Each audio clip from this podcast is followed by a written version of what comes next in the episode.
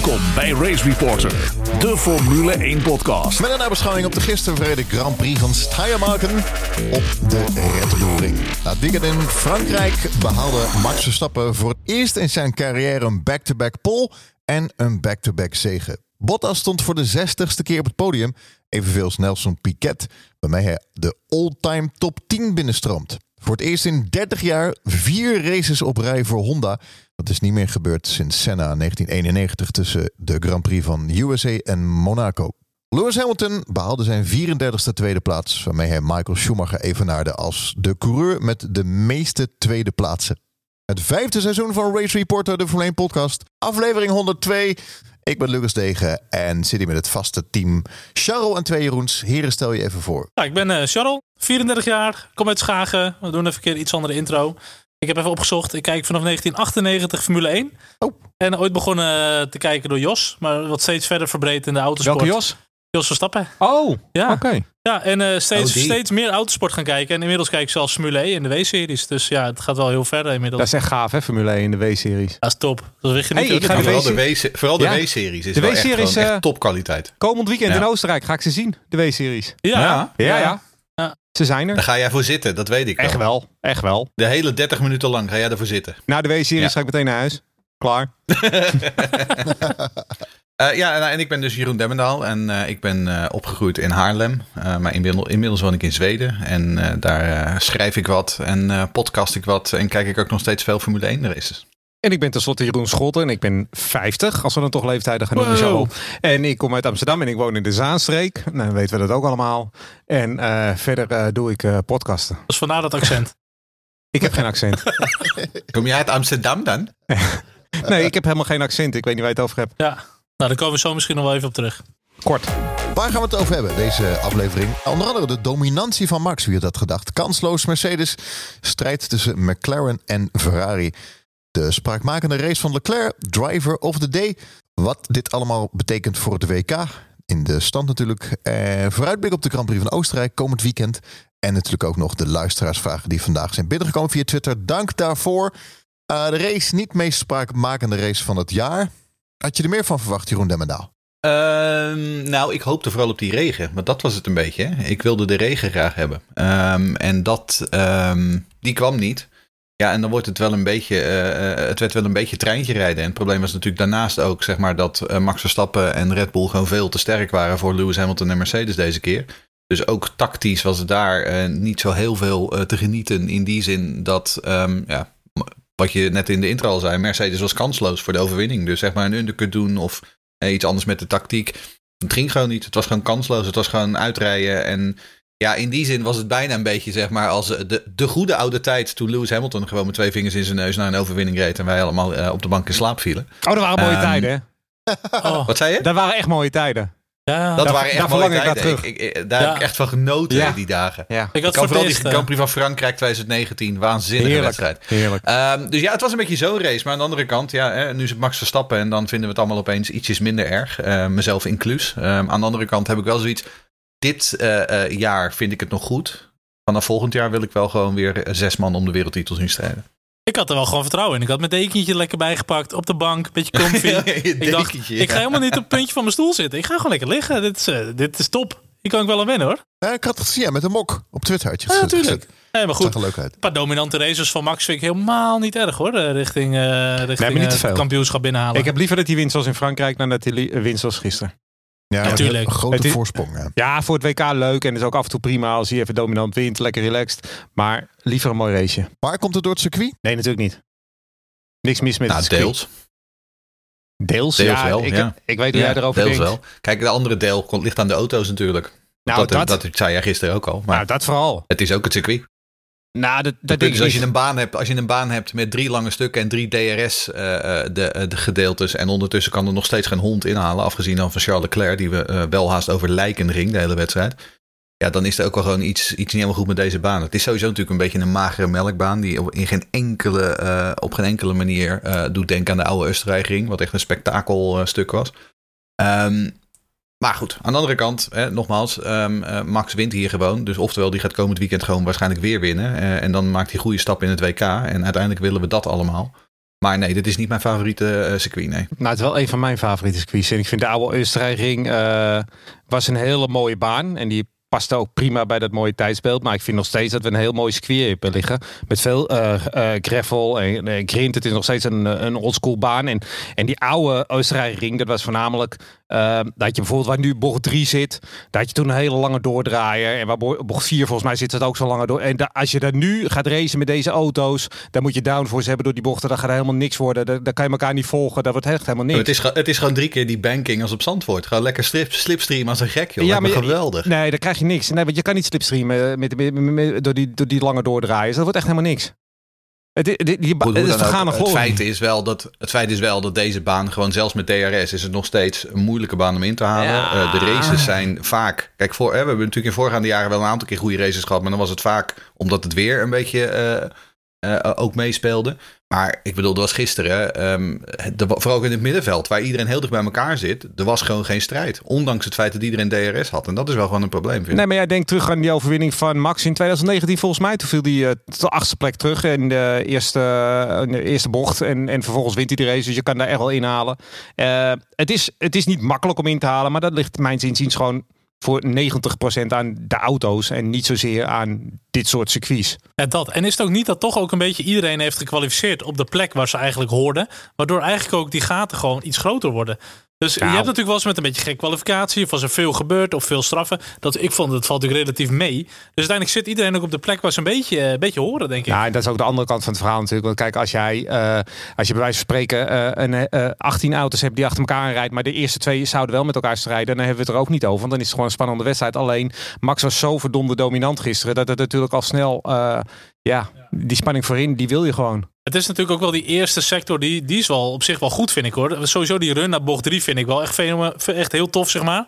En dan ook de, daarna, de, die, die naar rechts vind ik wel vet. Maar op een gegeven moment, daar, daarna kun je ook echt niet meer inhalen gewoon. En dat maakt het lastig. Maar als je andere raceklassen ziet, en ook online racen, het is wel een fantastische race hoor, op de Red Bull Ring.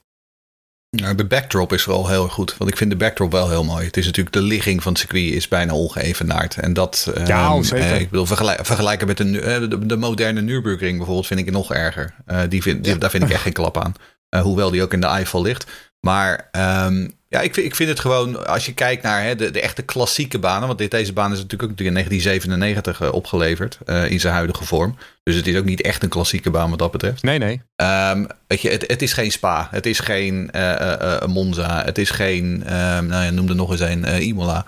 Um, ik, ik, vind het, ik vind het een, een niet heel avontuurlijke baan. Dat, dat, is, dat, dat is het vooral. Nou, ik vind het vooral een baan met een heel eigen karakter. En daar ben ik altijd wel blij mee. Het heeft echt een eigen karakter. En het heeft niet heel veel bochten. Maar de bochten die erin zitten zijn echt niet eenvoudig. Dat zijn nog hele lastige knikken. Ja, soms een beetje off-camber en zo. Ja, soms het zijn best nog lastige bochten. Dus ik, ik zie dat anders, maar dat, dat mag. Oh, we, hebben ook, we hebben ook gehad over uh, Paul Ricard. Vonden we een saaie baan. Hadden we een leuke race. En we nee, hebben hier, we hebben hier een prachtige race. Misschien ooit Schumacher Montoya.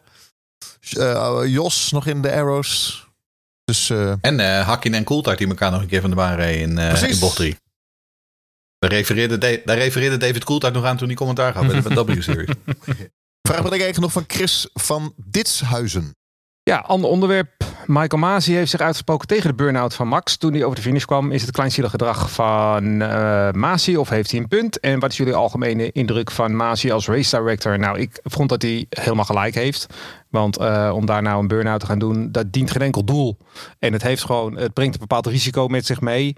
Uh, dus ja, waarom zou je het doen? Je kan er net zo goed een paar bochten verderop doen. Uh, dus het heeft geen zin. Dus Maas, je hebt helemaal gelijk. Bovendien was het helemaal niet kleinzielig gedrag. Want hij gaf ook geen enkele straf. Hij zei alleen, volgende keer gaan we dat niet meer doen. Want dan gaan we er wel tegen optreden. Dus dat heeft hij keurig opgelost. En de algemene indruk van Maas als race director, daar sta ik een beetje dubbel in. Ik vind dat hij bepaalde zaken namelijk heel goed doet. Hij is een beetje de Bas Nijhuis van, uh, van, van de Formule 1 uh, eh, geworden. Want ik vind bijvoorbeeld uh, zo'n situatie als gisteren met Leclerc en Gasly, waar we het later misschien nog wel even over gaan hebben. Daar vind ik eigenlijk, er is wat voor te zeggen als je Leclerc daar een straf geeft. Maar dat doet hij niet. En dat heeft hij de afgelopen races wel wat vaker gedaan. Dat je denkt, nou, die was wel op het randje. En hij laat het lopen. Waar Whiting misschien vroeger wat sneller. Nou ja, het is niet, het zijn zijn stewards natuurlijk, maar hij instrueert ze. die zou misschien wat sneller zouden ze hebben ingegeven dus ik vind, ik vind daar ben ik wel tevreden over. Maar andere dingen zoals, hè, we weten Baku, waar Verstappen stilviel. Het duurt anderhalve ja. ronde voordat de safety car eruit komt. Ja, dat kan wat mij betreft dus echt niet.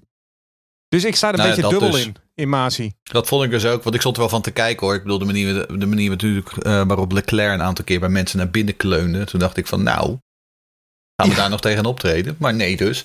Uh, en dan ja, wat ik bedoel, ja, je kunt er wel wat voor zeggen dat het een, een, gevaarlijke uh, situatie was met Verstappen. En Latifi die erachteraan kwam. En toen kwam er eerder vandaag, zag ik op Twitter dat iemand nog een, dat filmpje deelde van Latifi die in de Formule Renault vol iemand achterop knalde. Nou reden daar ook wel twaalf auto's in één shot. In dit geval waren het er twee.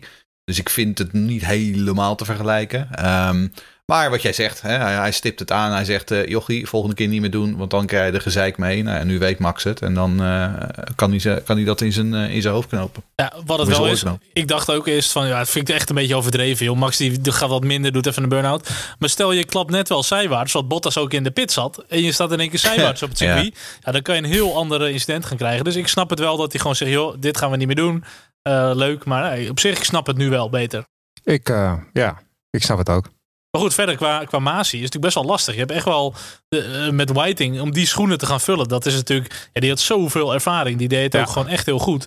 Je moet ook je eigen stijl vinden. Uh, ja, je ook een beetje met vallen en opstaan. Hij is niet altijd perfect. Ik vind dat hij soms echt wel beter kan optreden. Maar ik vind hem over algemeen niet, uh, niet slecht. En het is heel moeilijk, hè? Want Whiting kreeg ook bakken vol met kritiek af en toe over zich heen. Hè? En wij vinden hem nu allemaal heel goed. Ja. Maar hij heeft ook heel veel kritiek gekend. En ja, wat ik al zeg, hij laat het. Uh, uh, Maas heeft de, de, neiging om het racen echt wel het racen te laten. Hij laat iets meer toe, denk ik, dan destijds onder Whiting. het nadeel daarvan is natuurlijk wel dat je zet ook een bepaalde standaard neer. Want wat Leclerc nu deed bij Gasly, dat kan je volgende week gewoon weer doen. En je wordt er nooit voor bestraft.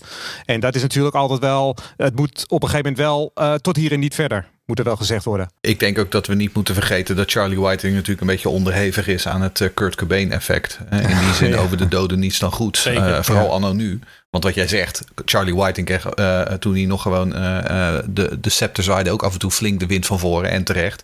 maar dat zijn we allemaal in de, met het gemak even vergeten tegenwoordig. Um, want hè, die arme Charlie Whiting. Dus ja, het is voor Mazi wel een lastige situatie waarin hij in zit. Maar ik vind dat hij het uh, al met al door de band genomen best heel aardig doet. Maar sowieso, je zit natuurlijk in een strijd tussen de, de, de sportieve elementen van de Formule 1. De, de, weet je wel, de, de broadcasters die willen wel mooie racen zien. Dus je wilt laten racen. Je zit met een stukje veiligheid. Je zit met de coureurs en de teams. Om daarin jezelf te manoeuvreren zal niet altijd makkelijk zijn. Eh, zeker niet nu, want ik heb het idee dat wij nu generaties racers hebben met Leclerc en met uh, Verstappen. Dat zijn er zeker twee exponenten van. Dat zijn hele stevige racers. En ik heb het idee dat de generatie hiervoor met Hamilton en Vettel, die waren net iets, die stonden er net iets milder in. En uh, vooral die, die jonge jongens, die, die zijn pittig hoor. Ocon. Ocon is er ook zo eentje, ja zeker. Vraag ben ik eigenlijk nog van John van der Leur. Ja, hij vraagt wat vinden jullie van de grafieken die getoond worden bij FP1, 2 en 3 over wie er op pol komt en tijdens de race eh, over het bandenpercentage. Nou ja, kijk, ik denk dat ik mezelf wel zeg maar een, een diehard Formule 1 kijker kan noemen. Dus ik weet je, ik heb altijd live timing erbij, ik ken onboard. Ik, ik weet je, ik hou van data. Ik kan ook gewoon bij wijze van een race kijken op de live timing. Dus ik, ik vind het gaaf om het zelf te interpreteren. Maar die, die voorspellingen die ze op tv laten zien, weet je, met de straight line speed, de corner speed, De, de, status van de banden, weet je, hou er gewoon mee op. Het gaat echt helemaal nergens over. Nou, wat het mij vooral vertelt is dat de artificial intelligence tak van uh, Amazon Web Services nog wel wat werk nodig heeft. Ja. Want dat is namelijk wat ze hiermee proberen te showcase. Hè? Van kijk, de, onze artificial intelligence heeft op basis van allerlei data inputs, hebben ze dit, uh, dit komt er dan uit die koker rollen.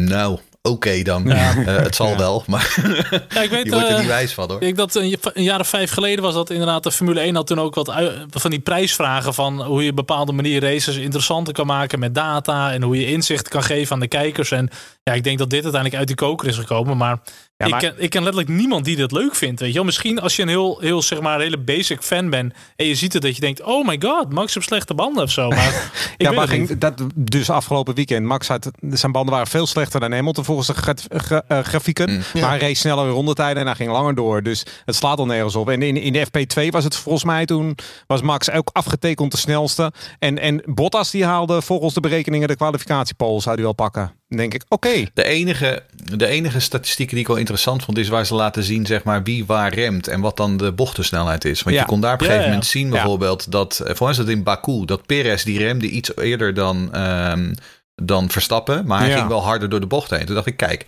dat is een interessante illustratie van hoe, hè, wat de verschillende rijstijlen die twee jongens hebben. Dat vond ik interessant. Maar al, vooral die voorspellende dingen, Ja, daar heb je niks aan. Mee ophouden. Maar dat, is, gewoon meuk. Maar ja, het punt is, Amazon uh, betaalt hier waarschijnlijk een godsvermogen voor aan, aan Liberty. En dat is de reden natuurlijk dat het er is. Nou, die, die data die jij noemt van het, van het remmen, dat is ook data wie de teams ook nog wel gebruiken. Daar heb je echt wat aan. Wat ik mis eigenlijk is die data van de infraroodcamera die je vroeger zag. De banden, hoe warm zijn ze met de temperatuur en zo. Ja. Dus ik heb dat al lang niet meer mhm. gezien. Dat vond ik leuk. Ja, daar had ik ook niks mee. Kan mij nog heel even warm van banden zijn. Ah, ja, heb, je, ja. heb je ook wel weer een punt. Race Reporter. Het weekend van Red Bull Racing. De Formule 1 podcast. Zo dominant was Max Verstappen nog nooit. Charles, moeten we de, de Red Bull Ring de, hernoemen naar de Verstappen Ring? Ja, dat mag. Mag wat mij betreft. Had hij geroepen? Ja, Helmoet Marco met zijn mooie, mooie witte shirt helemaal onder de champagne. Ik denk dat hij er wel open voor staat inmiddels. Maar ja, weet je, dit was bij far de meest dominante race van Max. En ik zei al gekscherend uh, de 37 seconden los of zo. Nou, dat was natuurlijk eigenlijk niet vanwege de stop van Hamilton.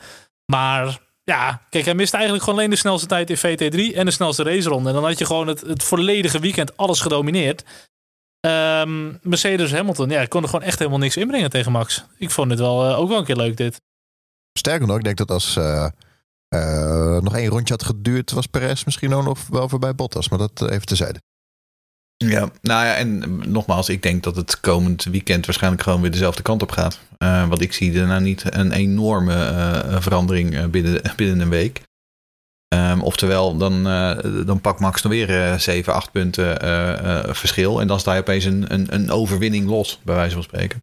Ja, en dat zou wel een marge zijn die je graag wil hebben. Maar ja, wat ik net al zei, gewoon van start tot finish. Uh, ik heb er gewoon ook vertrouwen in. Weet je, of voorheen als Max als aan de leiding ging. Of ze hadden wat betrouwbaarheidsissues ook nog wel bij Toro Rosso. Ja, dan, dan, dan zat je toch een beetje met geknepen billen van... oh, gaat hij toch niet stuk en zo. Maar dat vertrouwen begint wel steeds meer te komen. Weet je wel, comfortabel aan de leiding. Geen gekke dingen. Um, het is als anders geweest. Nou, we hebben nou niet zo heel veel betrouwbaarheidsdingen gezien natuurlijk. We hadden natuurlijk Perez in de eerste wedstrijd in Bahrein. Maar afgezien daarvan, als je kijkt naar uh, de, de, de, de constantheid van Max Verstappen dit seizoen. Hij is alleen maar als eerste en tweede gefinished. Ja, Baku, uh, afgezien dan van Baku natuurlijk. Maar ja. uh, weet je, alleen maar eerste en tweede. Dat is wel echt, echt, echt geweldig goed hoor. Nou, en ik moet wel eerlijk zeggen, want uh, in, in Monaco en, en Baku was je natuurlijk ook dominant. Maar daar kon je nog, had je nog zoiets van, ja, dat is misschien hè, het stratencircuit, dat ligt Mercedes dan wat minder. Uh, maar dit is een regulier circuit. En uh, in, in Frankrijk vorige week eigenlijk nog het idee dat op race pace en zeker qua bandenslijtage Mercedes ja. nog erg goed erbij zat. Maar dit weekend was gewoon 100% voor, voor Verstappen. En Mercedes was gewoon kansloos eigenlijk. En het is wel de eerste keer dat ik echt zoiets heb van, hmm, als het zo doorgaat, dan wordt het een vrij eenvoudige wereldtitel zelfs. Ik hoop het, ik hoop het. Nou, het is misschien nog wat vroeg. Want we zijn pas bij race, 8 van 23. We hebben acht gehad, hè? Eh, ja, dus misschien nog wat vroeg. Maar eh, ja, het, het, gaat nu wel echt die kant op. Nou, ik had het er gisteren met iemand over. Het zou wel mooi zijn als, als Max nu gewoon de komende wedstrijden even flink, um, uh, nou ja, flink punten harkt. En dat dan ten tijde van zeggen, zeggen schrijven Spa en uh, Zandvoort het dan Hamilton weer even ja. gewoon in het, in het thuisland van, uh, van Max Verstappen even een paar keer flink de overwinning binnenhaalt. Zeg dat niet Gewoon even de boel weer verder op de spits drijven. Dat zou een mooi scenario zijn. Ik had juist iemand die zei het zou mooi zijn als Max hem nu doortrekt dat hij rond Zandvoort kampioen kan worden. Ik dacht nou, kampioen dat, is, ja. dat moet wel heel gek lopen. Dan moet het echt hard gaan. Perez moet er nog even over, over hebben. Want ik zei al, hij had twee derde kunnen worden. Maar hij pakte hem niet. Op zaterdag loopt het toch nog steeds niet lekker bij Perez. Nee, nee Perez is gewoon nog niet perfect. En je merkt, hij komt wel in een betere flow. Sowieso Red Bull gaat gewoon echt goed. Als je dan ziet op, op tempo, eh, dan kan die Max Verstappen gewoon echt niet bijbenen. En dat is op zich niet heel gek. Maar hij moet er echt iets dichterbij gaan zitten. En kijk, hij had natuurlijk wel wat geluk met die plaatsenstraf voor Bottas. Uh, hij had wel wat pech met de pitstop uiteindelijk weer. Uh, maar geen P3 is gewoon zonde. Kijk, hij moet gewoon hier echt een podium ook pakken achter Hamilton. Ja, en Red Bull moet ook gewoon die punten blijven, blijven weghalen bij Mercedes. Ja, uh, ik denk dat het voor Perez gewoon echt heel goed was geweest als hij hier toch nog Bottas voorbij had gekund. Gewoon voor zijn zelfvertrouwen, voor, voor alles. Maar goed, ik denk dat dat volgende week zeker wel uh, mogelijk gaat zijn. Maar goed, en, en afgezien van die, als die pitstop gewoon goed gegaan was, dan was hij er ook voor geëindigd. Want uiteindelijk kwam hij, ja. wat is het, net een seconde achter doordat die pitstop wat langer duurde. Uh, wat ik een vraag van Bob van Valkenhoef, die zei: Wat vonden jullie van de pitstopstrategie van Perez? Achteraf was het het net niet, want hij had niet de het punt voor de snelste ronde en hij kwam niet voorbij Bottas. Nou ja, strategie aan zich was goed. De uitvoering alleen was uh, uh, ondermaat. Um, maar ik ben het wel met je eens trouwens hoor, Joe. Want ik bedoel, hij verloor een halve seconde op uh, Max Verstappen. Wat vooral op een korte baan als deze en een kort rondje als dit. Dat is wel heel erg veel. Um, dus nou, ik weet niet. Ik, ik heb verder nog niet gehoord of er echt iets specifieks mis was met zijn auto. Maar Um, nee, hij zat er puur qua snelheid zat hij er dit weekend niet helemaal lekker bij. Vraag ben ik gekregen ook nog van Sven Brandsma. Ja, Sven vraagt: Ik probeer het moment te pakken waarop we konden zeggen: nu is Red Bull dominerend. Wat heeft Red Bull goed gedaan gedurende dit seizoen? Of andersom geredeneerd, waar heeft Mercedes het laten liggen? Ja, kijk, als ik puur gewoon naar Red Bull kijk en Mercedes, weet je, we hebben natuurlijk begin dit seizoen het verlies van downforce gehad.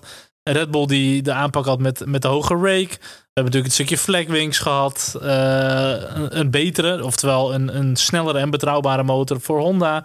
Kijk, Red Bull krijgt gewoon de banden goed op temperatuur. Ze hebben niet een bijzonder hoge slijtage nu meer. De pitstops zijn gewoon goed. De strategie is goed. Ja, en het totaalpakket van Mercedes is gewoon wat minder. En dat, dat merk je gewoon direct op de baan. Um, en je merkt het ook buiten de baan. Uh, Mercedes die focust zich ineens volledig op Red Bull uh, in plaats van op zichzelf. Ja, en dat zie je gewoon in de media ook weer terugkomen.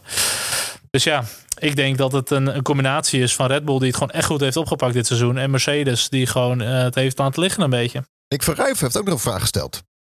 Ja, Nick van Rijven die wil weten wanneer kunnen we onze zwembroek aandoen en wanneer kunnen we de grachten in voor wereldkampioen Max. Um, nou, ik geloof dat ik vorige, vorige keer al zei, uh, dat wordt uh, na uh, de Grand Prix van, welke is het, Abu Dhabi?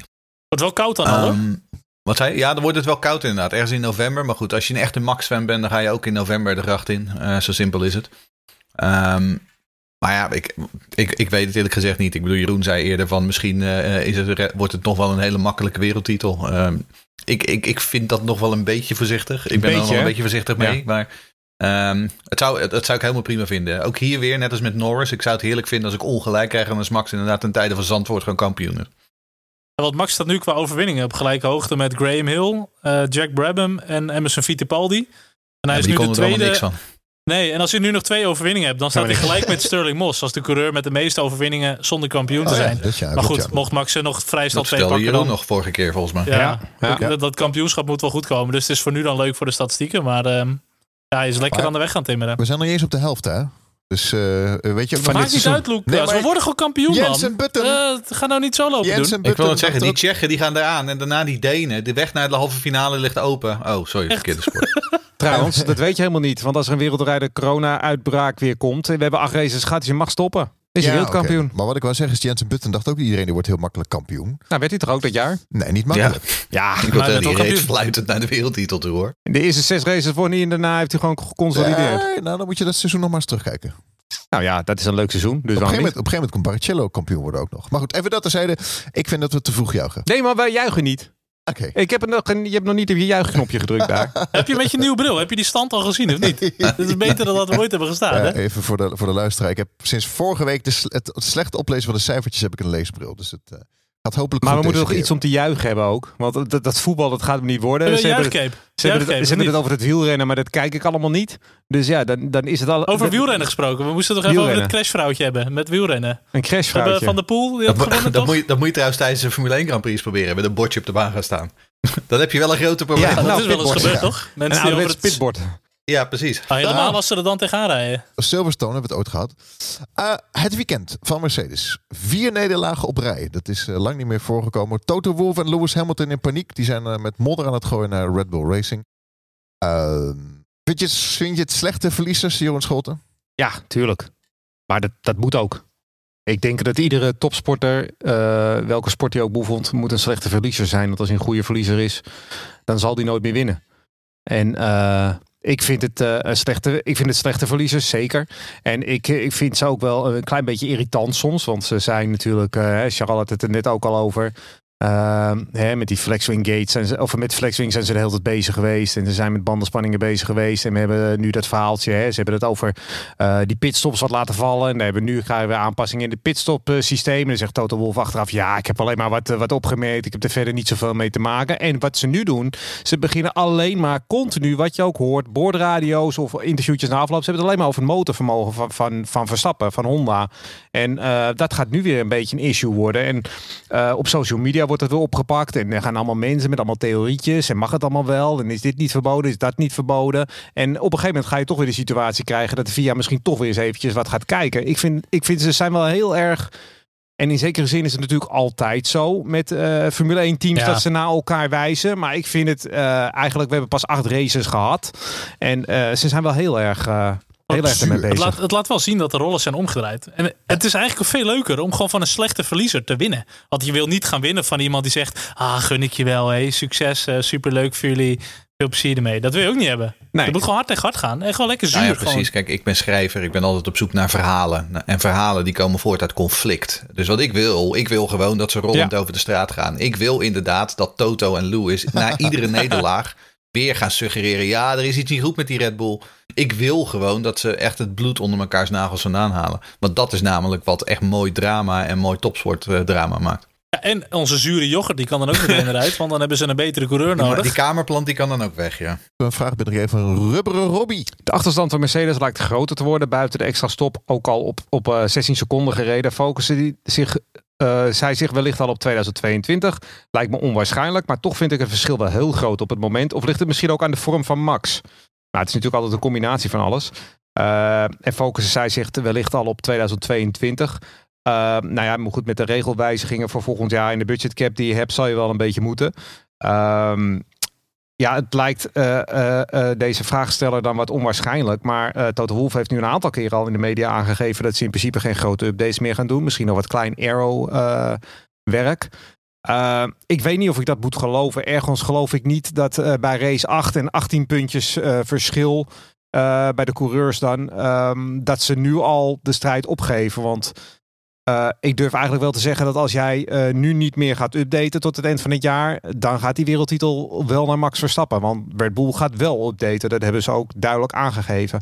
En uh, ze zijn nu al niet de snellere, dus dan is het klaar. Maar ik weet niet of ik dat moet geloven. Ik, ik, ik kan daar ergens met mijn nou, nog niet het, bij. Het punt is namelijk dat niet alleen Wolf het gezegd heeft, maar dat Automoto in Sport gisteren in Duitsland ook rapporteerde dat verschillende ja. bronnen binnen Mercedes, dus er zijn mensen die niet on the record dat hebben verteld, Um, maar die zeggen dus ook dat inderdaad Mercedes uh, met nog maar een paar kleinere updates komt. Maar dan zijn ze eigenlijk wel klaar. Ze zijn eigenlijk wel vooral zich aan het richten op 2022. Maar ja, als je Mercedes bent, dan kun je natuurlijk ook uh, met zes, uh, zeven wereldtitels in de afgelopen zes, zeven jaar. kun je misschien denken van, nou weet je wat, dit jaar we ja, ja. een hockey. Uh, Red Bull is er natuurlijk veel meer op gebrand om dit jaar nu ook daadwerkelijk de titel te pakken. Dus in die zin kan ik er met mijn hoofd wel bij. Um, en het feit dat er meerdere mensen zijn die off the record tegen AM, uh, Automotive Sport vertellen van ja, het klopt, wij gaan naar 2022 kijken, doet mij denken dat het misschien wel waar is. Nou ja, als het waar is, dan gaat die wereldtitel ja. denk ik wel naar Max. Doe er een beetje aan denken als je dan zo'n hond het uitlaten bent. Dat je dan zo'n stok naar links gooit en dan ren je heel hard naar rechts toe. Even zo afleiden. Laat hem maar even. Laat Red Bull maar één keer de titel pakken. En dan gaat Mercedes ondertussen heel snel naar 2022 focussen. Kijk, ik denk wel dat Mercedes veel meer focus gaat leggen op 2022. Want uh, ik denk dat de komende jaren zijn voor hun veel belangrijker dan nu één jaartje. Waar ze ook nul garantie hebben. Dus dat zou me niks nou, verbazen hoor. Als, zelf heb ik, uh, uh, en dat, voor, voor het seizoen hadden ze het er ook een beetje over. Het omslagpunt ligt een beetje in de zomerstop. Uh, dan moet je eigenlijk wel zo'n beetje met de 2021 auto's zo'n beetje klaar zijn. Um, en dan moet je je wel echt gaan richten op 2022. Ferrari is ook al, die, ja. die zijn er ook al mee gestopt hè? Die, gaan, die zijn ook al vol op 22. Ja, Kijk, Haas is natuurlijk baas boven Haas. Want die, uh, die uh, doen helemaal niks met de auto van 21. Die doen nooit wat. Maar ja. Ferrari heeft nee. ook al ja, Maar die komen volgend jaar met een topauto. Dus al een paar jaar toch, ja. Ferrari? Ja, maar zou het misschien komen omdat Red Bull een aantal uh, mensen van Mercedes heeft weggeplukt? Dat die al wat informatie uh, Nou, dat weet ik niet. Uh, Red Bull raakt nu, ja, kijk, uh, Red Bull raakt nu ook weer iemand kwijt. Hè. Die aerodynamische baas, die gaat nu naar Aston Martin overstappen. Ik geloof, wat ik begrepen heb, pas over een jaartje of twee of zo. wanneer zijn, zijn Die man zal echt een mooie, mooie tuin geweest. Krijgen, ja, hele mooie tuin. dat wordt echt een toptuin. Ja, maar ik weet, ik weet niet. kijk, dat zijn jongens die naar Red Bull gaan. Die zijn eigenlijk in principe pas voor, voor, voor de nieuwe motoren. Ja. Dus die zijn nu ja. nog niet echt heel erg. Uh, en dat noodzaak. is natuurlijk ook waar de Red Bull, nee. hè, want, al die, want die raakt natuurlijk Honda kwijt. En oftewel, die gaan die, motoren, um, die motorontwikkeling nu ook in eigen huis doen. En dat is natuurlijk waar ze vooral zich moeten versterken, zeg maar. Zodat Red Bull Engineering uh, daadwerkelijk een, uh, een, een top uh, afdeling wordt. Nou ja, jij zegt het nu, maar jij deelde eerder vandaag nog een berichtje met ons hè, over uh, ja. de vergadering van de motoren ja. die oh, ja. eraan gaat komen. Met wat ja. andere uh, motorleveranciers erbij. Ja, er was inderdaad een verhaal, ook weer in Automotor in Sport. Um, als je ze nog niet volgt op, uh, op Twitter, ik zou het zeker doen. Want ze, ze zijn goed ingevoerd doorgaans, in de Duitse auto-industrie vooral. maar er komt inderdaad een overleg over de motorenformule na 2025... waarbij ook vertegenwoordigers van Porsche en Audi aan tafel zouden zitten. En dat is natuurlijk wel interessant, want we weten allemaal, Porsche en Audi hebben op dit moment nog geen motoren. Die leveren nog geen motoren aan de Formule 1. Maar ze doen het wel goed in Le Mans. Ja. Dat dan weer wel. Ja, maar daar gaan ze niet over zitten. Nee. Um, aan het begin van het jaar heb ik gezegd, ik ga proberen om dit jaar niet uh, negatief te zijn en heel goed nou, veel succes. Bottas. Maar het kost, mij, het kost mij heel veel moeite. Want uh, zaterdag spinde die weer. Blunderende Bottas, boos. Die zit ook op iedereen. Het ligt niet aan hem, maar het ligt aan heel de wereld. Ja, ik vond... Uh, ik, kijk, weet je, Bottas is in top 10 rijden tegenwoordig. Of all time, hè? 60 podia. Dat is, daar sta je in de top 10 van alle tijden. Dus ik denk niet dat wij, uh, dat wij hier nog uh, lacherig mogen doen over uh, deze top 10 rijder. Ja, het blijft toch wel een, een op- en top sportman. Ik bedoel, het is de, de beste autosportklasse ter wereld. Maar als je dan kijkt binnen de Formule 1, dan is het natuurlijk niet de meest sprankelende, leuke, ik vind, goede, goede coureur. Nou, ik vond hem na dat spinnetje nog wel gevat. Hij zei meteen, uh, ja, wil je er mijn banden voor op te warmen? Ja, kijk, hij is, hij is wereldkampioen het, kan, het, kan, het kan natuurlijk uh, dat, dat staat zonder buiten kijf. Hè. Uh, hij is met afstand de beste Finse Formule 1 coureur. Um, maar van het moment. Van het moment. Um, maar het feit is wel, ik begin wel steeds meer het idee te krijgen dat uh, Valtteri het allemaal, het zal hem wel een beetje aan zijn reet uh, roesten. Oftewel, Valtteri uh, vertrekt na dit seizoen gewoon bij Mercedes. het doet mij allemaal een beetje denken, eerlijk gezegd, aan Sebastian Vettel bij Ferrari vorig jaar. Die er op een gegeven moment ook wel een beetje met de Italiaanse pet naar aan het gooien was. Hij is niet scherp meer. hij zei gisteren ook na afloop van, ja, ik ben blij met P3. Dan denk ik van, je bent blij met P3. Je bent net op een, op, op een minuut gereden door, door, door je teamgenoten exact dezelfde auto's met ja. exact dezelfde bandenstrategie. Hoe kun je daar nou blij mee zijn. Hij is dit seizoen nog niet beter gefinished dan derde, hè? Ook zoiets. Ik wil, ik, ik, ik, ik, ik, ik, geloof er niet meer in hoor. Als al zuur staat hij eindelijk voor Lewis weer in de kwalificatie. En dan heb je natuurlijk die straf nog. Ik moet wel zeggen, die beelden in de pit, ik vond het wel een hele unieke beelden hoor. Die, ja, wie heeft dat ooit eerder gedaan? Zat ik, net, uh, ik, ik kan me niet herinneren ooit iemand het is in, de, in die 500 een aantal keer gebeurd. Daar kan ik me van herinneren. Maar, dat is uh, bizar. Maar niet, niet in de Formule 1 inderdaad. Ja. ja. die hebben bredere pitstraten. Nee, nee, je zal het in Monaco doen dit. Dat kleine. Bowling Als je al over dwars kan staan daar. Strike. Nee, dat kan niet eens. We, we, hebben wel eens gek, gekke dingen gezien, zoals Mensel bijvoorbeeld. Ja, Portugal, ja, ja, ja. Dat, dat was 89 inderdaad. Ja, ja. met de Lewis gehad of die bij de McLaren pitstop uh, er doorheen reed. Ja, genoeg dingen gebeuren natuurlijk. Maar spinnen we echt nog nooit. Echt dit soort spins niet, nee. Nee, maar ik moet wel zeggen dat Hamilton, uh, die, die werd gevraagd naar Bottas. En die zegt, nou, ik vind het een fantastische rijder. En een uitstekend ja, dat snap ik wel. Dus, ja. Hamilton wil nog heel graag dat hij nog een jaar blijft. Want je hebt er geen kind okay. aan. Ja, begrijp ik wel. Ja, want Russell die gaat natuurlijk van een hele andere dynamiek.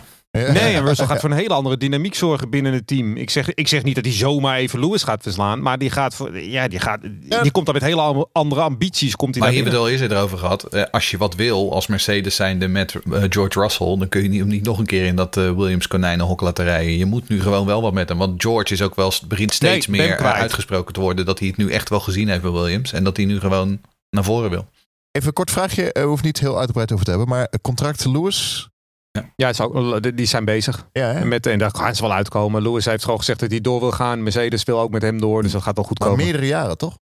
Dat weet ik niet. Er geen gerucht tot 2023, maar ik weet het niet zeker. Okay. Zeker voor, voor een jaar of twee nog. Kijk, en dan kun je Bottas laten gaan. En dan ja, Russell er maar naast. En dan maar zien wie er eh, boven komt drijven. Er is geen beter op dit moment die ze kunnen krijgen dan Hamilton. Dus uh, moeten ze vooral doen. Vraag ben ik echt nog van Sjoerd Druiven. Sjoerd. Sjoerd vraagt, wat zijn de circuits die Mercedes het best zullen liggen uh, voor de rest van het seizoen? En wat zijn de criteria voor snelle bochten, bandenslijtage? Nou, ik denk wel dat dit seizoen is wel even anders hoor. Kijk, voorheen was het sowieso echt vrij duidelijk welke circuits Mercedes goed liggen. Uh, weet je dan, Versochi hebben ze altijd gewonnen. Silverstone, Monza. Uh, weet je wel, hoge snelheid.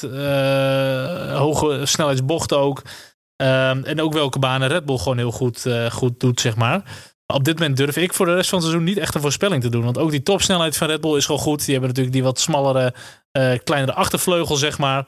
Uh, ook hun kracht in langzame bochten behouden ze volgens mij aardig. Bandenslijtage doen ze het gewoon goed mee. Of er echte Mercedes-banen komen, geen idee. Ja, als het banen zijn, dan denk ik nog steeds wel die banen. Nou, Sochi is wel een beetje low grip. Ehm, kunnen ze het wat moeilijker gaan hebben. Maar ik durf het niet helemaal uh, te voorspellen dit seizoen. Nee, maar dat is ook... Uh, hebben we het volgens mij ook al eens eerder over gehad in deze podcast. Dat, er, dat, dat je vroeger altijd Red Bull banen had. Dat hield eigenlijk gewoon in dat die Red Bull niet compleet was. Die was gewoon op bepaalde banen heel sterk. En op bepaalde banen heel zwak. En nu hebben we gewoon een Red Bull die eigenlijk overal snel is. En, en ja, dat, dan, dan valt dat gewoon weg. Ja, daarmee kan je kampioen worden. Een auto die het op elk circuit gewoon goed doet. Ja. Hoef je niet eens de snelste te zijn. Maar als nee, je, hoeft, je hoeft niet iedere race te winnen. Maar als je gewoon iedere race meedoet en van voren zit, dan kom je een heel eind. En dat heeft Red Bull nu wel. En dat hebben ze natuurlijk jaren niet gehad. Race Reporter. De Formule 1 podcast. Kijk naar het middenveld. Gevechten tussen McLaren en Ferrari. Ze houden het spannend. McLaren momenteel 120 punten, Ferrari 108. Wie vond jij het beste team eh, van de twee het afgelopen weekend, Jeroen? Nou, dat vind ik een lastige. Um, omdat het hangt er een beetje vanaf hoe je dat benadert. Het punt is namelijk dat um, ik denk dat qua pure snelheid uh, Norris uh, en dus McLaren sneller is. Het enige is alleen dat McLaren op dit moment een tweede coureur heeft die gewoon vaker niet levert dan wel. Uh, en Ricciardo was weer ontzettend flat um, dit weekend. Aan de andere kant, als je als teamprestatie kijkt, dan heeft Ferrari het natuurlijk gewoon beter gedaan. Um, want uh, Leclerc had natuurlijk vooral gewoon pech. Uh, wat we in de afgelopen race gezien hebben, is dat ze best aardig kwalificeren, maar vervolgens in de race helemaal nergens uh, meer waren. en nu zowel Sainz als Leclerc hebben zichzelf goed naar voren gewerkt. Um, allebei goed stevig in de top 7 uit mijn hoofd. Dus ik zou zeggen, ja, in die zin als pure teamprestatie heeft Ferrari het beter gedaan. Maar ik denk wel nog steeds dat McLaren nog steeds de snellere auto heeft. Ja, ik las er ook toevallig een stukje over uh, dat uh, de McLaren die is nogal ontworpen uh, op DRS. En daardoor is hij in kwalificatie, vooral op de Red Bull Ring, waar je natuurlijk drie lange rechte stukken hebt, daar, daardoor is hij relatief snel in de kwalificatie. Maar in de race heb je natuurlijk veel minder aan je DRS. Dus dan, dan vallen ze weer weer terug. Wat was met Daniel aan de hand? Afgelopen weer. Hij wist niet waar waar het aan lag, toch? Uh, nou, deels wel. Nee, het enige wat ik zag, ik zag Zack Brown, die zat alleen maar hoofdschuddend op de, op de pitmuur. Nou, uh, maar wat er nou precies aan de hand is? Nou, ik begreep dat hij deels uh, last had van, van motorvermogen wat af en toe wegviel. En dat ja. ze later in de race kwam dat weer terug. Nou, ik denk, het begint al bij de kwalificatie, die gewoon natuurlijk niet zo lekker was voor Ricciardo. Die zit er gewoon niet bij. En in de hmm. race deed hij het goed, kwam hij best wel goed naar voren. En ik had toevallig mijn onboard cam op Ricciardo, dat hij inderdaad helemaal terugviel. En ze hadden het inderdaad over wat vermogenverlies, uh, wat problemen. Uiteindelijk moest hij weer wat settings doen en zo. En uiteindelijk ging hij wel weer. Maar Norris had ook kortstondig ook hetzelfde. Die viel even echt helemaal terug. Verloor volgens mij twee seconden per rondje of zo. Uh, ik denk twee rondes en toen ging het weer. Maar ja, het was heel apart. Ik ben misschien toch iets met overhitting en zo. Ricciardo moest ook wat meer vrije lucht gaan opzoeken. Dat heeft natuurlijk niet geholpen deze race. Maar hij zit er gewoon nog niet, nog niet bij. Maar het was sowieso dit weekend. Uh, er was heel veel verschil tussen teammaten onderling. Uh, wat ik bedoel, als je kijkt bijvoorbeeld, hè, Stroll ja. scoort gewoon weer netjes punten. Ja. Alonso scoort weer netjes punten. Uh, nou ja, Tsunoda Gasly is dan wat lastiger te vergelijken. Maar ook Tsunoda weer een punt, dat is gewoon goed. Aan de andere kant, Ocon was echt helemaal nergens. Het hele weekend, het, het hele weekend niet. Um, Vettel um, moest ook gewoon toegeven. Probeerde wel, hing een beetje rond die tiende plek. Maar viel uiteindelijk er ook weer terug in de slotfase. Ja, en dan Ricciardo, die ook dus heel flats is. Um, ja, het, dat, dat, daar stond ik wel van te kijken. Vooral Ocon vind ik een beetje opmerkelijk. Want die heeft eigenlijk sinds hij een nieuw contract heeft gekregen... Uh, lijkt het wel alsof hij uh, nu weer uh, de, de teugels wat laat vieren. Het zou wel mooi zijn als het komende weekend dezelfde race helemaal omgekeerd is. Dus de andere teamgenoot. Ja. Perez dan ja, Max. precies. Uh, Bottas beter dan Lewis. Also, dat gaat niet gebeuren. nou, wat wel, ook, uh, wat wel ook opmerkelijk was, want een paar races geleden was nog anders, deed Ferrari ineens leuk mee en alles. Maar ja. het verschil tussen de twee topteams en de rest was echt enorm. Ja, Want in het begin ja. dachten er nog wat mensen, waaronder ik zelf, geef ik eerlijk toe, dat Norris wellicht nog een outside chance had op, de, op het podium. Nou ja, hij werd op een ronde gezet. Nee, dus, in de verste verte, uh, in de verste verte niet, uh, kwam hij in de buurt, inderdaad. Dus dat was wel opmerkelijk. Uh, we hebben er wel een discussie over gehad in onze groepschat. Charles Leclerc, Jeroen Demmene, jij was fan van hem afgelopen weekend, omdat hij goed deed. Driver of the day. Ik vond het eerlijk gezegd ja, wel goed dat hij deed, maar hij heeft wel aantal keer Gasly geraakt met zijn voorvleugel, Rijkonen ja, geraakt met zijn voorvleugel. Rijkonen, nee, hij, hij race heel stevig, kunnen we zeggen. Aan de andere kant, als je natuurlijk in de eerste ronde uh, naar achteren gaat en vervolgens lig je, wat is het, 18 of 19e, ja, dan moet je wat. Um, en dan, ik, wat ik vooral vind, is dat het de klasse van Charles Leclerc uh, toont. Hè. We hadden het hier eerder al over, het viel niet mee meer inhalen. Um, uh, hier, vooral niet in die middenveldauto's. Maar Charles Leclerc die leek zich daar toch een beetje aan te onttrekken.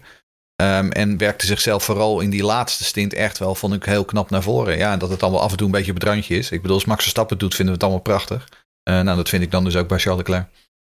Ja, maar ik vond Gasly ook echt onno nee, onnodig. Dat was, uh, dat was echt een fout bij Gasly, ja. ja. Dat nee, is echt wel een fout. Van Leclerc. Van Leclerc is dat echt een fout, ja. Dat, ja, dat, vind, dat vind ik ja, meer dan hard rijden. Dat vind ik wel echt een fout. Ja. Want hij heeft zijn fout wel hersteld. En dat is, hij heeft wel een beetje beetje gezelligheid in deze Grand Prix gebracht. Een beetje actie. Klopt, maar ik vind Gasly's race naar de kanaal. Ja, maar uh, Bas Tuurlijk, maar ja, vorig, jaar reed, vorig jaar reed hij Vettel van de baan. En toen gingen ze er allebei met z'n twee. Waren ze allebei met z'n tweeën na één ronde klaar. Um, en in die zin, ja, hij heeft nu een fout gemaakt. Daar ben ik wel met je eens. Maar goed, weet je, dat hoort er ook gewoon bij. Want het zijn mensen uh, die af en toe fouten maken. Ja. Ook Max Verstappen maakt nog wel eens een fout. Nee, nee, nee. Um, en Lewis Hamilton maakt af en toe nog wel eens een fout. Nou, en dus Charles Leclerc ook. Maar goed, wie hadden we dan driver of the day moeten maken? Russell uh, of uh, Verstappen? Nee, Max. Max Verstappen, ja. denk ik dan. Uh, nou, Russell ook. Kijk, ja, Russell deed het wel aardig. Maar ja, uiteindelijk weet je, ik bedoel, wel, we weten niet of hij de hele race vol had gehouden. Over uh, Sainz. Hebben we het niet vaak over, over Sainz. Ja, maar die rijdt toch wel ja, een erg sterk seizoen ook alweer hoor. Ja. En die is dan wat, wat, wat minder opvallend dan Leclerc. Maar hij eindigt voor Leclerc. En hij reed een hele prima wedstrijd. Ja. Sterk seizoen zeg je? Sainz, ja, vind ik een heel sterk seizoen rijden. Ik had niet verwacht dat hij zo dicht op Leclerc zou zijn. Zou zitten. Hij staat volgens mij ook maar acht punten achter op Leclerc. Ja, 50 punten. Ja, en ja. Uh, in kwalificaties is hij soms, soms zelfs de, de betere. Uh, nee, ik vind echt Sainz okay. verrast me heel erg. Oké. Zeker. Ja. Race Reporter. De Formule 1 podcast. Achterhoede duel, duels. Sterk weekend van Russell levert helaas weer niets op. Vorig jaar viel hij ook al uit vanaf een twaalfde positie. Volgens mij deze race van acht naar achteren een DNF. Hoe moet het verder met Russell nu, Shell? Ja, geen idee. Het ligt eraan wat voor auto die gaat krijgen. Maar ja. dit, dit, voor onze Sjors vond ik dit wel uh, echt wel weer heel zuur. En hoe vreemd het ook is, niemand verwacht daadwerkelijk dat, dat hij in de punten gaat finishen. Iedereen weet gewoon al, er gaat zoiets ja. gebeuren. Hij gaat het toch niet redden, weet je wel. En dan rij je gewoon op P8. Zo'n goede kwalificatie sowieso al. P11, vrije bandenkeuze, kreeg je P10 vanwege Tsunoda. P8 in de race, kon Alonso volgen, wilde zelfs een beetje gaan aanvallen. En toen hoorde hij zelf van, joh, we moeten uh, eerder stoppen. reliability issue. Uh, en dan zie je hem daar bij die pitstop komen. En ze moeten met zo'n slangetje iets gaan doen. En het duurt maar en het duurt maar. En denk, nou, daar is hij weer hoor. Uiteindelijk was er dus iets van een pneumatisch probleem. Er moest perslucht bijgevuld ja, worden via zo'n snelkoppeling ja. aan de zijkant. Maar goed, enkele rondes later kwam hij weer binnen. Nou, toen wist je al, punten zijn kansloos. En een paar ronden later uh, achteruit uh, de pitbox in en gewoon klaar. Ja, dan, dan kun je er ook gewoon niks aan doen. Maar oh mijn god, voor Russell, joh. Dit is toch wel echt zuur, hoor. Dan probeer je het. Dan wil hij wat meer een, een gaan worden in plaats van op de zaterdag. Dan rij je ertussen en dan gebeurt dit weer. Ja, ik vind het wel heartbreaking, hoor. Ja, ik heb was, uh, was eerder gevraagd van als je dit nou vergelijkt met jaren 90, jaren 80. Uh, welke coureur heeft zoveel kwaliteit en zoveel pech? Als Russell? Ja. Nou ja, er zijn er wel meer geweest natuurlijk.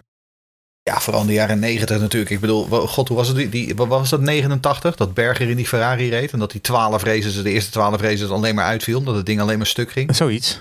Ja, dat was in 89. Ja, ja. Dat was echt, ja. ja en, toen, en toen won hij vervolgens op Monza, geloof ik. Dat was echt gewoon, het was alleen maar uitvallen met, met een kapotte Ferrari. En vervolgens won hij op Monza. Dus ik bedoel, weet je, tuurlijk komt dat voor. Ja, absoluut. Wat je nu krijgt, vind ik wel. Eh, drie jaar rijdt hij nu in de Formule 1. En ik heb eigenlijk nog niet het idee, wat, wat, wat, zij, wat is zijn niveau nou van George Russell? Dat is gewoon onwijs moeilijk inschatten. Hij heeft natuurlijk één, één race in de Mercedes gehad, deed hij leuk. Ja, maar dat was wel op het allersimpelste circuitje wat er is. Hè. Dat was gewoon een vierkantje deed van deed hij leuk. Gewoon koud in de Mercedes. Hij deed rechtsaf. Ja, maar dan rijdt hij tegen Bottas uh, op op het simpelste circuit wat er is. Dus en je wil ook, je kan ook niet iemand beoordelen op één race. Je wil graag iemand zien over een langere periode. Hij rijdt drie jaar in de Formule 1. Hij rijdt alleen tegen Latifi. Nee, ben ik niet ja. eens. Max, Max ging in de Red Bull, won meteen. En dan is het een held. Ja, maar Russell had kunnen winnen. Max reed daarvoor bij een Toro Rosso. En dan kon je natuurlijk, dan reed hij naar Sainz. En hij reed in het middenveld. En dan zie je gevechten. En dan kan je iemand inschatten. Russell, die zeggen, rijdt, Russell, Russell heeft alleen tegen Kubica en tegen Latifi gereden. En, dan helemaal en dat is geen veld. tegenstand. Nee, en dan helemaal achter in het veld. Dus hij kan ook niks anders. Ik zeg niet dat hij nee. niet goed is. Ik kan hem alleen zo moeilijk inschatten ja. na drie jaar. Nou, het enige wat je kunt inschatten is hoe die zeg maar in de Formule 2 in zijn allereerste jaar ja, van Lando Norris achter zich liet. Want, hij, want dat was natuurlijk wel die lichting. Was het 17, 18 aan ja. Dat was natuurlijk wel echt een heel goed jaar. En daarin werd hij vervolgens gewoon echt best wel redelijk afgetekend kampioen in de Formule 2. En dat deed hij heel goed. Nee, dat ben ik ook heel erg met je eens. Alleen dan krijg je hetzelfde verhaal. Dan kijk ik altijd weer naar Valtteri Bottas. Want ik heb nog nooit in de jeugd mm. iemand gezien die meer heeft gewonnen dan Valtteri Bottas zo'n beetje. En dan zie je dat is ook een uitstekend Jan coureur. Hè? Ja, maar het is ook een uitstekend coureur. Maar hij zit net onder die absolute top. Wat is Russell ja. dan? Is hij ook net onder die absolute top? Of kan hij wel dat stapje extra maken? Ik weet het echt niet. Toch zien ze Russell. Die hebben ook heel veel testdagen gedaan. Die zit ook ongetwijfeld in de sim. Ze moeten toch genoeg data hebben om de jongen in te kunnen schatten. En dan denk ik inderdaad, vinden ze hem dan niet goed genoeg dat ze hem er nog niet in zetten. Nou ja. Want eh, je moet nu toch op een gegeven moment door. Je wil ook weer bouwen aan de toekomst. Ja, maar het is, het is een heel vierlijn lijntje. Hè? Want je hebt nu een duo wat al jarenlang goed presteert. Want je kan wel, hè, ze, ze halen gewoon alle titels binnen en heel veel overwinningen. En het is een heel vierlijn lijntje. Wat ik net al zeg, als jij zo'n jonge jongen erbij zet, krijg je een hele andere dynamiek in het team. Ja. En uh, dat, dat geldt ook voor de engineers, de monteurs, alles. Het hele team wordt overhoop gehaald. En ze hebben natuurlijk al een wat mindere ervaring met Rosberg en Hamilton destijds. Ja, Wel? dat moet je, je, moet, je kiest voor iets heel anders. Maar aan de Ja. andere kant is het natuurlijk ook zo, eh, Rosberg Hamilton, er, er werd nog nooit zoveel over Mercedes geschreven als in die dagen. En in die dagen wilden mensen het ook graag zien. Ten tweede is het wel zo, denk ik, dat ehm, je bent nu, wat, wat Charles zegt, je bent aan het bouwen aan een nieuw team. En, we, en ik denk dat een hoop ook af zal hangen van hoe lang Hamilton bijtekent. Ja. Ehm, want kijk, als Hamilton zegt van ja hoor, geef mij dan maar vijf jaar, weet je, ja, dan kun je zeggen van nou, laten we Bottas nog wel even zitten. En dan eh, pakken we de volgende wel uit, uit de juniorstal. Eh en, we, en, we doen hetzelfde als met Ocon en we laten hem in principe gewoon lopen. Ja. Ehm, als je denkt van Hamilton wil misschien voor één jaar, nou misschien twee jaar bijtekenen, dan denk ik dat ik de gok zou nemen met Ja. Russell en hem in ieder geval gewoon één jaar eens inzetten. Ik moet wel één Want ding, een andere bot, een andere Bottas kun je altijd wel vinden. Maar dat ja. Zeker. ik moet wel één ding zeggen. Ik heb volgens mij nog nooit zo'n spannend eh, gevecht gezien voor twee teams voor één punt. Williams, Haas. Ja. Wie pakt de Nou ja, eerste ze punt? staan alle twee nog op nul punten. Ja. Dus dat wordt Goed. Latifi die gaat ze ook niet echt helpen, denk ik, op dit moment. Eh, ook al meteen bocht 3 even nog bij Tom Gasly, die natuurlijk een beetje kapot ging. Ik vond hem niet zo handig. Maar verder ook helemaal niet gezien.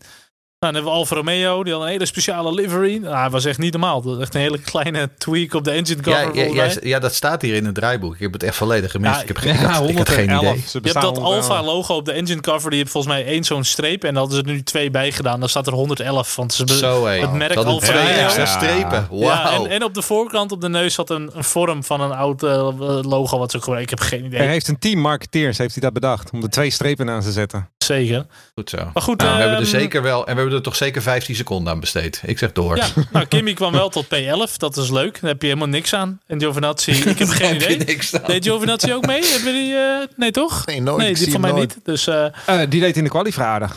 ja, ja, nou, dat hebben ze ook heel veel opgeleverd. Nou, dan hebben we nog Haas. Die hebben volgens mij nog eh, wel één mooie battle gezien van die jongens die nog een beetje met elkaar aan het knokken waren. Ze zijn natuurlijk absoluut geen vrienden meer. Dat is ook echt uitgesproken Nee, nu. Ze hebben elkaar ook ontvriend van Facebook, heb ik gehoord. Oh jeetje, Ehm, dat, ja. is wel, dat is wel heel heftig. Ja, Dat is heel Echt heftig. waar? Ze hebben elkaar geblokkeerd, Oh, gewoon op, twi- op Twitter, alles gewoon. Ja? eh, ja nee, Oh, daar doe je ergste vijand niet aan. Ja, dus, eh, maar goed. Ik, ik, ben wel, ik ben wel blij dat er iemand is die dat even bijhoudt ook. Ongetwijfeld. Ik had dit niet gehoord, dit nieuwtje. Maar ehm het was een mooi gevecht. Maar verder ging het nergens om. Mick die finisht er gewoon weer voor. En eh dikke doei. Ik heb geen idee. Gaan we hier verder nog tijd aan besteden? Nee? Oké. Mooi. Nou, Nee, doei! De titelstrijd tussen. Of de titelstrijd. Verstappen en Red Bull vergroten hun voorsprong. Ik, zal, eh, ik heb nu een leesbril sinds kort. Dus ik zal de cijfertjes goed oplezen. Dank u wel. Eh, Max staat 18 punten voor op Lewis. Het kampioenschap is nog lang. We zijn nog niet eens op de helft. Eh, ik vroeg het eigenlijk net al, Jeroen Scholte. Juichen we te vroeg? Ja, tuurlijk. Kijk, het ziet er gewoon heel goed uit, maar je juicht vroeg. Kijk, dit is eh, Formule 1 kampioenschappen, die zijn eh, eh, vooral van de lange adem. Hè? Je moet vooral heel veel finishen en vooral heel veel vooraan zitten. En wat Hamilton en Mercedes niet vaak doen, is uitvallen.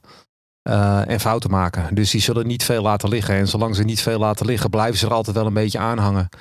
Ehm, Max zal gewoon moeten blijven zorgen dat hij die punten moet blijven binnenhalen. Het, eh, simpeler is het niet. Maar ik moet wel zeggen, ja, kijk, alles wijst op dit moment. Kijk, ze hebben meer snelheid, ze gaan meer doorontwikkelen. Ze zetten veel meer in op dit jaar dan dat, dat, Mercedes dat doet. Dus ja, het ziet er wel heel erg goed uit. En Red Bull pakt nu inmiddels 40 punten voorsprong eh, bij de constructeurs. Dat is al een aardige voorsprong inmiddels. Eh, ja, ik ben er heel positief over. Maar ja, juichen we te vroeg? Ja, natuurlijk. We zitten op een derde van het seizoen. Ja. Tuurlijk juichen we te Maar vroeg. het, ook doet, me, doet mij altijd een beetje denken aan het voetbal, zeg maar. Dat als dan PSV of Ajax twee wedstrijden niet gewonnen heeft... en dan hebben we een crisis. En dan denk ik van, volgens mij is het seizoen 34 wedstrijden. Ja, is zal het wel aan mij liggen. Ja, nee, ja, goed. Maar als, als Max eh, komende zondag, er wordt regen voorspeld in eh, Oostenrijk. Nou, als hij komende zondag in de vangrail klapt, eh, dan staat Hamilton gewoon weer, wat is het, eh 7, 8 punten voor of zo. Dus dan kun je weer opnieuw beginnen met je voorsprong opbouwen. Ook al heb je een snellere auto. Dus het is allemaal niet zo eenvoudig. Nou, ik kan me nog een Lewis herinneren in eh Oostenrijk of Duitsland. Toen hij de langste pitstop maakte. Ja, natuurlijk. Maar eh, Lewis is niet onfeilbaar. Maar ik bedoel, eh, maar hij ik, zal... snap, ik, snap, ik snap wat je bedoelt. Ik Ja. wat je bedoelt. Gaat het regenen, ja? Dat zou leuk zijn. Het, nou ja, ze zeggen dat het gaat regenen. Dat zou helemaal niet leuk zijn, want ik ga naar die wedstrijd toe. Oh, ja. ja, maar jij bent Mr. Poncho. Dus ja, dat, je hebt een poncho toch mee. Ja. ja, dat moet natuurlijk. Goed. Ja, maar ik vind het wel leuk als je het kampioenschap kijkt. Je hebt echt Red Bull tegen Mercedes, McLaren tegen Ferrari, Alfa Tauri tegen Aston Martin, Alpine, geen idee wat die aan het doen zijn. Alfa Romeo, die hebben twee punten en de rest niks. Nou, het, het zit wel uh, lekker mm. dicht bij elkaar. Het grappige was ook dat Alonso ook zei vandaag, geloof ik, dat dit is wel echt de max van wat we kunnen doen bij Alpine. Af en toe een beetje een paar puntje, puntjes sprokkelen. Um, maar Alfa Tauri Aston Martin met twee punten tussen. Ja, Dat is wel ook al, dat is wel een mooie, mooie strijd dat wel. En ik gok dat Alpine zich daar ook nog wel een beetje in kan, uh, in kan mixen. Ja. Nou ja, en bij Ferrari, het zou toch wel. Ik, ik zou het echt een, een enorme verrassing vinden als uh, Sainz aan het einde van het jaar boven Leclerc staat. En uh, ja. dat zou zomaar kunnen. Het is maar acht punten het gaat. En uh, we hebben natuurlijk allemaal uh, gedacht, en dat denken ze bij, uh, op Maranello ook, dat Leclerc de kopman is voor de komende tig jaar. maar als Sainz dat in zijn eerste jaar al zou kunnen omdraaien, dan zou ik dat echt bijzonder knap vinden. Toch hoop ik wel dat McLaren wel boven Ferrari gaat finishen. En dan zit ik te denken, waarom is dat? Waarom wil ik dat? Weet je, Ferrari is ook zo historisch, maar McLaren heeft toch zo'n leuke gunfactor. Ook ja. social media, lekker fris, leuke coureurs. En dat Italiaanse, het is zo niet benaderbaar of zo. Ik vind McLaren Nou, het, is uh, ook, het is ook wel McLaren's race to lose. Hè? Want ik bedoel, als je kijkt, het ja. verschil tussen Leclerc en Sainz is te verwaarlozen. Maar het gat tussen Norris en Ricciardo is 52 punten. Ja. Dus Ricciardo schiet gewoon tekort. Oftewel, McLaren had gewoon nog 20, 30 punten extra moeten hebben. Die zijn wel gewoon qua snelheid afgetekend het derde team. Kwestie is, kunnen ze Ricciardo op gang krijgen? Nou, dat en het gaat daar natuurlijk ook om. Hoeveel ga je nog in 2021 stoppen? Dat is ja. natuurlijk ook een dingetje. Vraag nog binnengekregen van Rob de Voogd. Ja, hij vraagt hoe gaat dit deze week een leuke race worden in Oostenrijk, denken jullie? En hij vraagt also het kampioenschap. Als het kampioenschap close blijft en er vallen nog races uit in verband met coronaperikelen, garandeert de FIA dan het aantal races in verband met het aantal te verdelen punten. Nou, qua de laatste vraag hebben we het wel eens vaak gehad met COVID. Uh, dat de races uitvallen. En dat is eigenlijk ook gewoon een beetje het risico van het vak. Ik kan me niet voorstellen dat de FIA iets van een constructie heeft met garantie. Kijk, het aantal races is voor iedereen gewoon gelijk. En natuurlijk, als er races uitvallen, dat is niet leuk. Maar de kansen zijn voor iedereen gelijk. En de beste die, die wint uiteindelijk.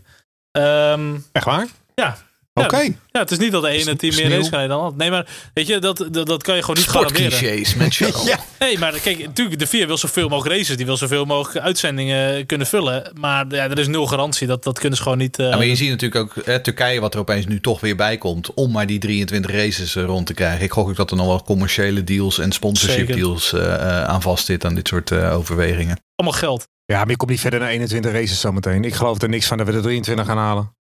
Weet het niet. Maar goed, dan hebben we de aankomende Grand Prix. Of dat weer een leuke race gaat worden. Uh, ik denk, er kan echt weer van alles gebeuren. Dat hebben we al vaker gedacht. Tweede race. Uh, we hebben nu een aantal keer gezien, ook in de COVID-periode. Maar goed, het kan wel weer kleine foutjes komen. Uh, betrouwbaarheidsproblemen. We hebben het weer natuurlijk nog. Je, er hoeft maar één ding te gebeuren in een race. één gek iets. En dan zit de volledige spanning er weer in. Um, kijk, tuurlijk, ik verwacht dat Red Bull gewoon dominant gaat zijn. Ze hadden alles goed voor elkaar. Maar goed, andere teams weten nu ook wat hun te doen staat om Red Bull uh, uh, bij te kunnen halen. Dus ja, het is aan hun om die achtervolging in te zetten. Dus ik ben wel benieuwd. Vooruitblik dan op de Grand Prix van Oostenrijk. Je zei het net al, er kan van alles gebeuren.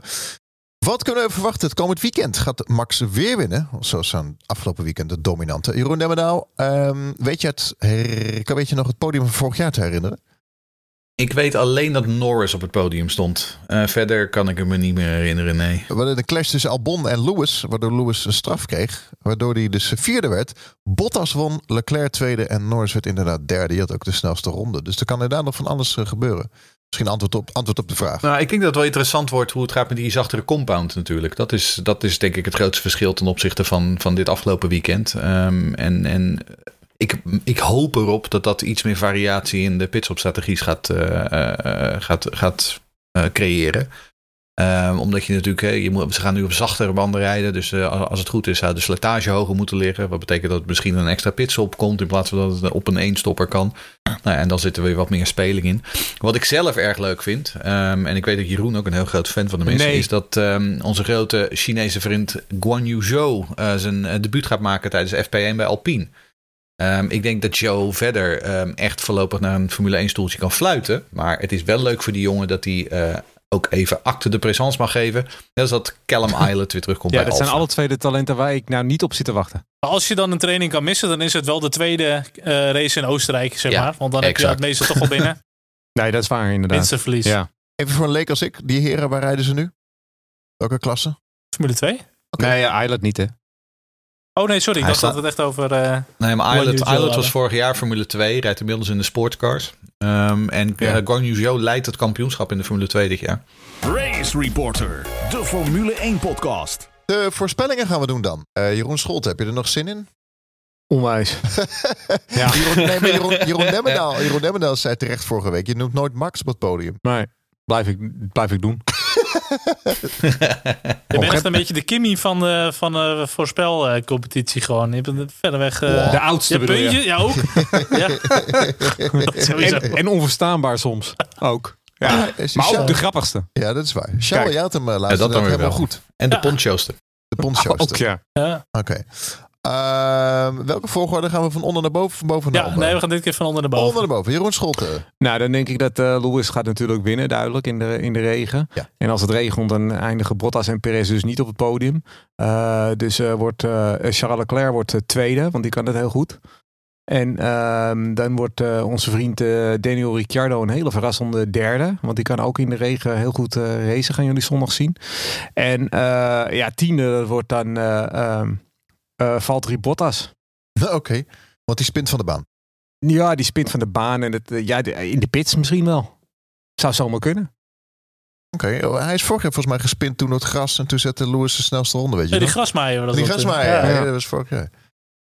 Oké, nou. eh, Ja. Jeroen Demmenau.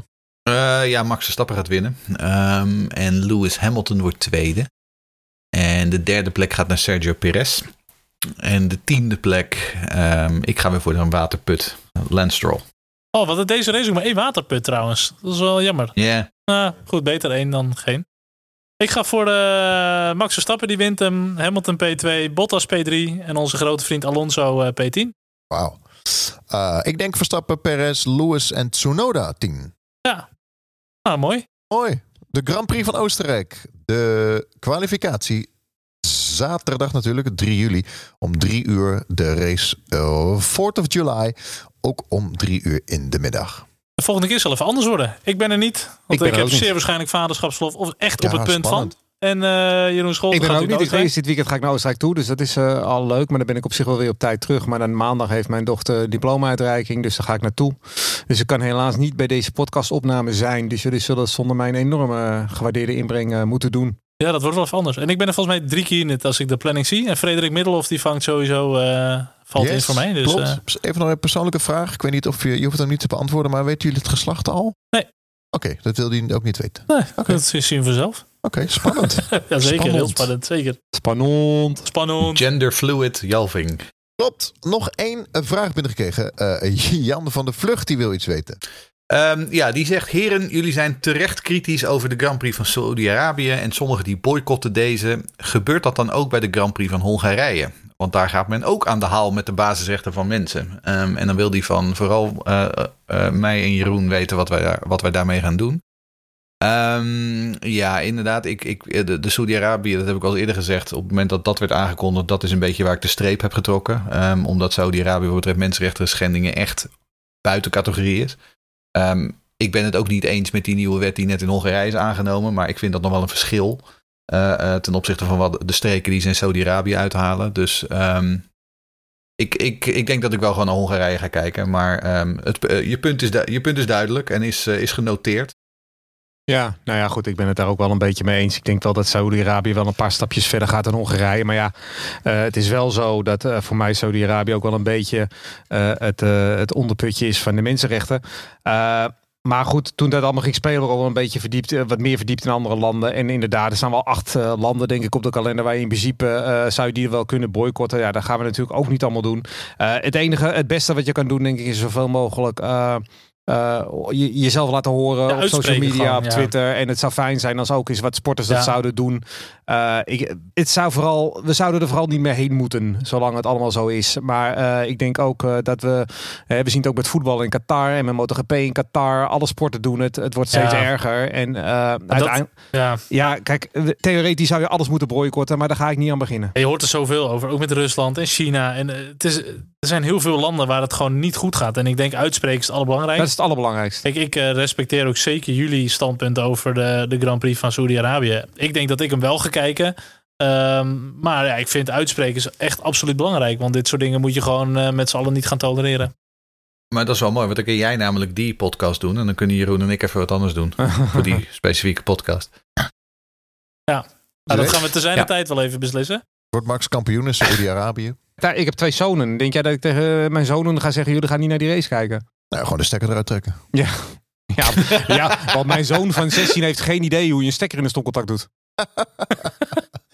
Ja, je moet dat, je moet, ik, ik, denk dat je gewoon je kinderen zelf die keuze moet laten maken. Maar ja, ik bedoel, ja. misschien vragen ze jou wel, pa, waarom kijk je niet naar? Nou, dan kun je dat gesprek eens met ze aangaan. Ook ik denk dat dat een goede zaak is, weet je. Je kan ze niks opleggen um, natuurlijk, dat mag niet. Nee, maar daarom, maar ik geloof ook uh, veel meer in, zoveel mogelijk uh, daarover uh, vertellen en over melden. Daar geloof ik meer in.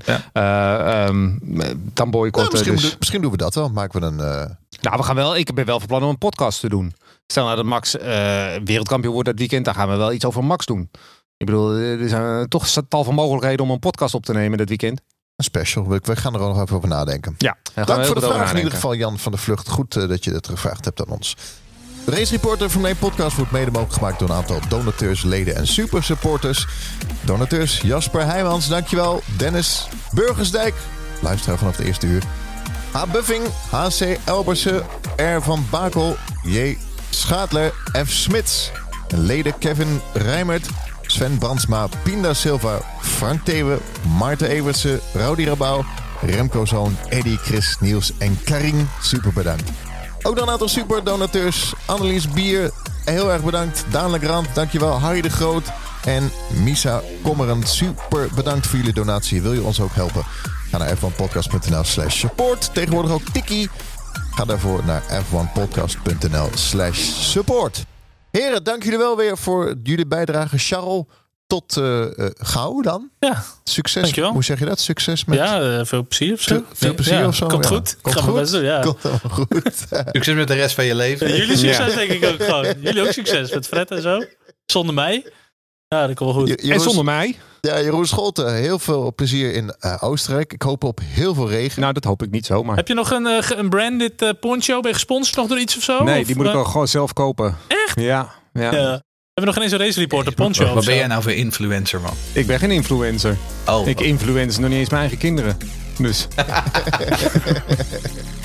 Goed, uh, volgende Grand Prix. Grand Prix van Oostenrijk. Dank jullie wel. Graag gedaan. Yes. Hoi. Hoi.